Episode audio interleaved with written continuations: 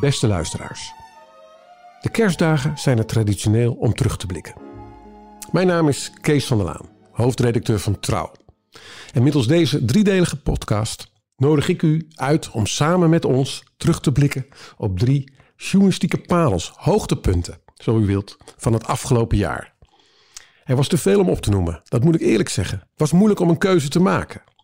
Toch hebben we de meest ontroerende menselijke verhalen voor u uitgekozen.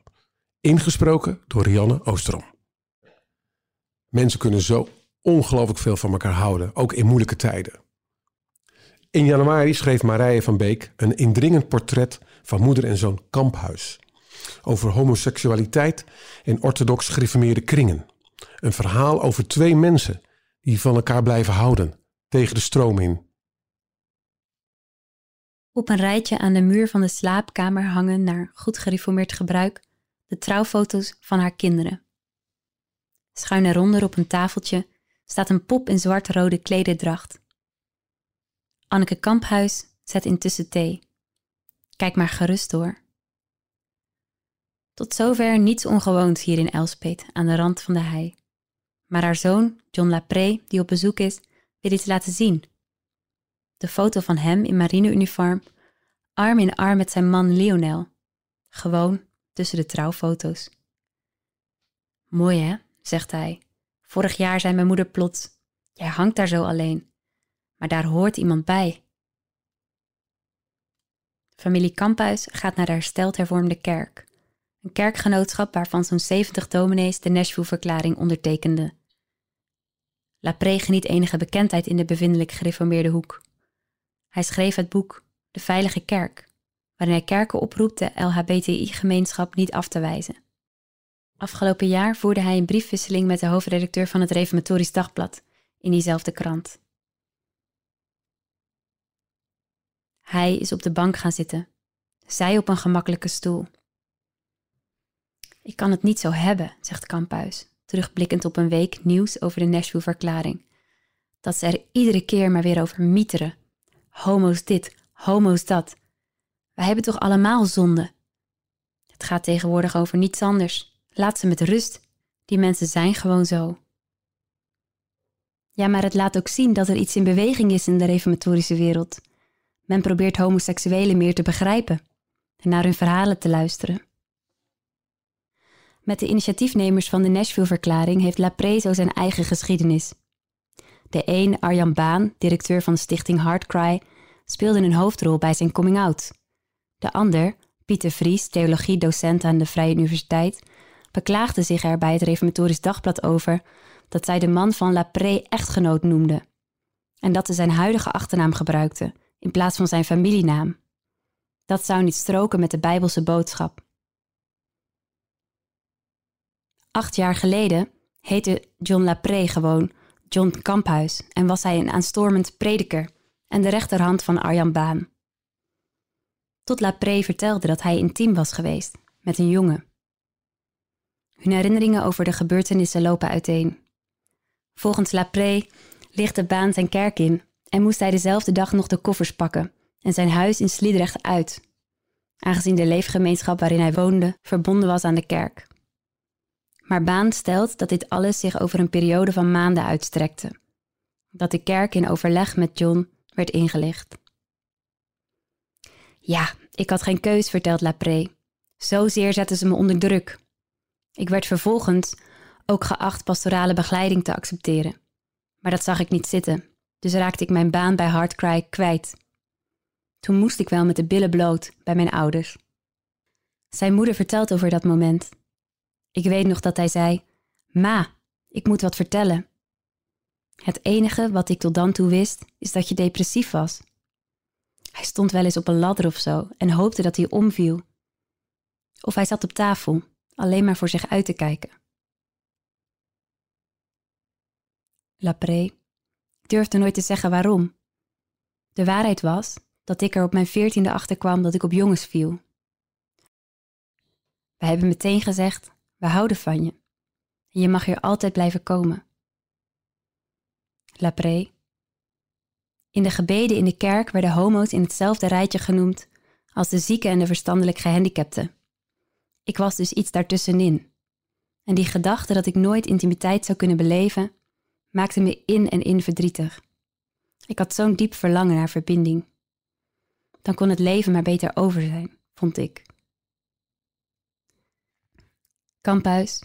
Kinderen die uit de kast komen kregen in onze kringen vaak te horen: wegwezen, kst, niet meer thuiskomen. Ze werden verworpen, want ja, het is een grote zonde. Daardoor heeft hij er tien jaar mee geworsteld. Dat vind ik heel jammer. De handen van Anneke Kamphuis liggen gevouwen in haar schoot. Dat ze nog van wij spreekt, komt, legt ze uit, omdat haar man een maand geleden is gestorven. Ze heeft het er soms nog te kwaad mee. Vlees kan vlees niet missen, zegt ze. Zoon John kijkt haar even onderzoekend aan en zegt dan iets opbeurends. Wat ons heel erg goed deed op de begrafenis was dat mijn man en ik beide de kist mochten dragen. En dat in de hersteld hervormde kerk van Elspet. Lange tijd was de man van La Pre hier in Elspet niet welkom. Nee, zegt Kamphuis, daar waren we niet aan toe. Tot ik een preek hoorde, gewoon van de dominee hier, dat de Heere gekomen is voor hoeren en voor tollenaars. Dat sloeg bij mij in als een bom. Toen heb ik de jongens meteen opgebeld. Lapré, ik weet nog dat op een zondagavond de telefoon ging en er ma op het scherm stond. Nou, mijn moeder belt nooit op zondag, de dag des heren, dus er moest wel iets zijn. Een overlijden, een ziekenhuisopname. Toen kwam dit eruit. Ja, wij waren echt heel blij. Mijn man had altijd gezegd: geef het de tijd. Hij kreeg gelijk. Kamphuis. We hebben een binding gekregen met elkaar. Ik krijg ook liefde van zijn man, hij is zo zorgzaam. Dan legt hij een kleedje om mijn benen op het strand. Elk voorjaar gaan we met elkaar naar een waddeneiland. Binnenkort gaan we naar Ameland, hè? En dan slapen we gewoon met z'n drieën op een kamer. Daar maken we geen punt van. Lapré, zo mooi hoe dat is gegroeid. Toen we hadden afgesproken dat ze samen thuis zouden komen, zei ik wel: niet slapen. Maar de laatste paar jaar doen ze dat toch wel eens. John ligt dan hier op de bank en hij op het logeerbed. Niks geen trammeland. Ze kussen niet, ze gaan niet aan elkaar zitten of wat dan ook. Lapré lachend. Maar dat doen we nooit in het openbaar hoor, ma, nergens. Kamphuis. Ik zeg dat trouwens ook tegen mijn andere kinderen. Jongens, geen geflikvlooi. Anders ga je maar naar buiten. Ma Kamphuis wil het wel gezegd hebben. Het is niet zo dat ze de relatie aan zich goedkeurt. De bruiloft was ze er dan ook niet bij. Nee, daar konden we ons niet mee verzoenen. Als jullie dat nu weer zouden doen, zou ik ook niet gaan. Maar ik geloof vast dat je er veel verdriet van hebt gehad dat wij niet kwamen. Haar zoon reageert heel veel verdriet. Kamphuis, ja, dat kan. Wij hebben dat dus niet ervaren, omdat wij verdriet hadden dat je ging trouwen. De jongens weten dat wij het niet als bijbels zien. Maar dan is het ook gebeurd, hè? Je kan dat niet elke keer dat ze langskomen gaan oprakelen. Lapré zegt dat hij zelf heeft ontdekt dat het puur om de heidense context gaat, waarin homoseksualiteit in de Bijbel opduikt die verkeerd is. Een duurzame relatie tussen mensen van hetzelfde geslacht wijst de Bijbel niet af. U ziet het anders. En ik weet dat u er zich schuldig over voelt als u ons niet de waarheid vertelt. Maar het doet mij nog altijd pijn om dit te horen. Ook de uitspraak van net over Jezus, die omging met hoeren en tollenaren. En dat u vindt dat u daarom ook ons niet de deur kunt wijzen. Hoe mooi de uitwerking daarvan ook is geweest, dat hakt er wel in. Zijn moeder zegt: Ik bedoel gewoon, Jezus ging om met de allerslechtste van de maatschappij, hè? Haar zoon: Ja, dat snap ik, maar tegelijkertijd denk ik niet dat u wilt zeggen dat homo's dat zijn. Of dat homo's gelijk zijn aan hoeren en tollenaren. Kamphuis: Ik heb daar niet die gedachte mee bij, nee. Dus moet je eigenlijk vragen: wat bedoel je precies? Welke uitleg geef je aan die tekst? Haar zoon: Ja, en ik ken u een beetje. Dus ik weet dat u wilt zeggen dat Jezus voor ieder mens is gekomen, of je nou koning bent of een zwerver. Op die manier kan ik er wel een stukje onvoorwaardelijke liefde in zien. Maar die opmerking over hoeren en tollenaren wordt ook vaak gebruikt om homo's af te wijzen. Voor mij zit de pijn erin dat ik me niet voluit aanvaard voel als iemand mij zondig vindt, want ik samenleef met een man. Behalve Lapré maakte ook Kamphuis afwijzing mee, omdat ze Johns man thuis uitnodigt. Vorig jaar waren zij en haar man 40 jaar getrouwd, vertelt ze. Een tante kwam niet naar ons jubileumfeest omdat ze hem geen hand wilde geven. Nee, dat zeggen ze nooit direct tegen me. Ik hoor dat dan via via. Hoeveel mensen het ons niet kwalijk hebben genomen dat die jongens bij ons komen. Wij werden ook vertrapt. Ja, wij waren ook schuldig, hè? Haar zoon. Weet u nog, die dame in de supermarkt? Die draaide haar hoofd om en groette u niet meer, terwijl u zoveel goeds heeft gedaan voor haar handwerkclub. Kamphuis. Oh ja, ik maakte daar lappendekentjes voor de arme kindertjes in Malawi. Nou, daar waren ze er heel vinnig op. Soms proberen mensen het me te laten voelen. Dan zeggen ze bijvoorbeeld dat ik Psalm 26 zou moeten lezen. Daar staat dat je niet met de goddeloze moet zitten. Heel pijnlijk, zegt haar zoon. Zijn moeder vervolgt: Ik praat daar ook niet over hoor, want ik weet wat ik dan over me heen krijg. Daarom vind ik het heel wat dat u wel samen met mij in de krant wil. Dat is ook een soort uit de kast komen. Kamphuis. Ik laat me hierin niet beïnvloeden door dominees, maar ga mijn eigen weg.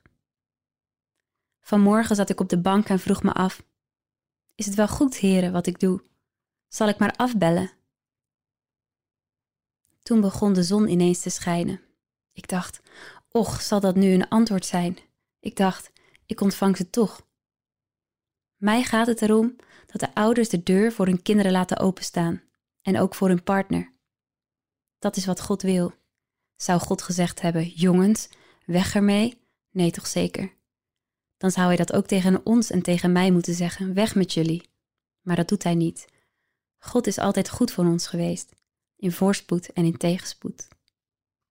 Lapré zegt: U levert ook strijd. En ik heb gezien dat dat met veel tranen en pijn gepaard gaat. Dat maakt mij ook milder als ik pijn voel door sommige uitspraken. Het verbindt ons. Maar ik wil liever niet vol in mijn gezicht op de foto voor de krant. Misschien dat ze dan toch zeggen: Kijk ze daar eens samen zitten en moet je dat verhaal erbij lezen. Tjonge, jonge, hoe durft zij dat?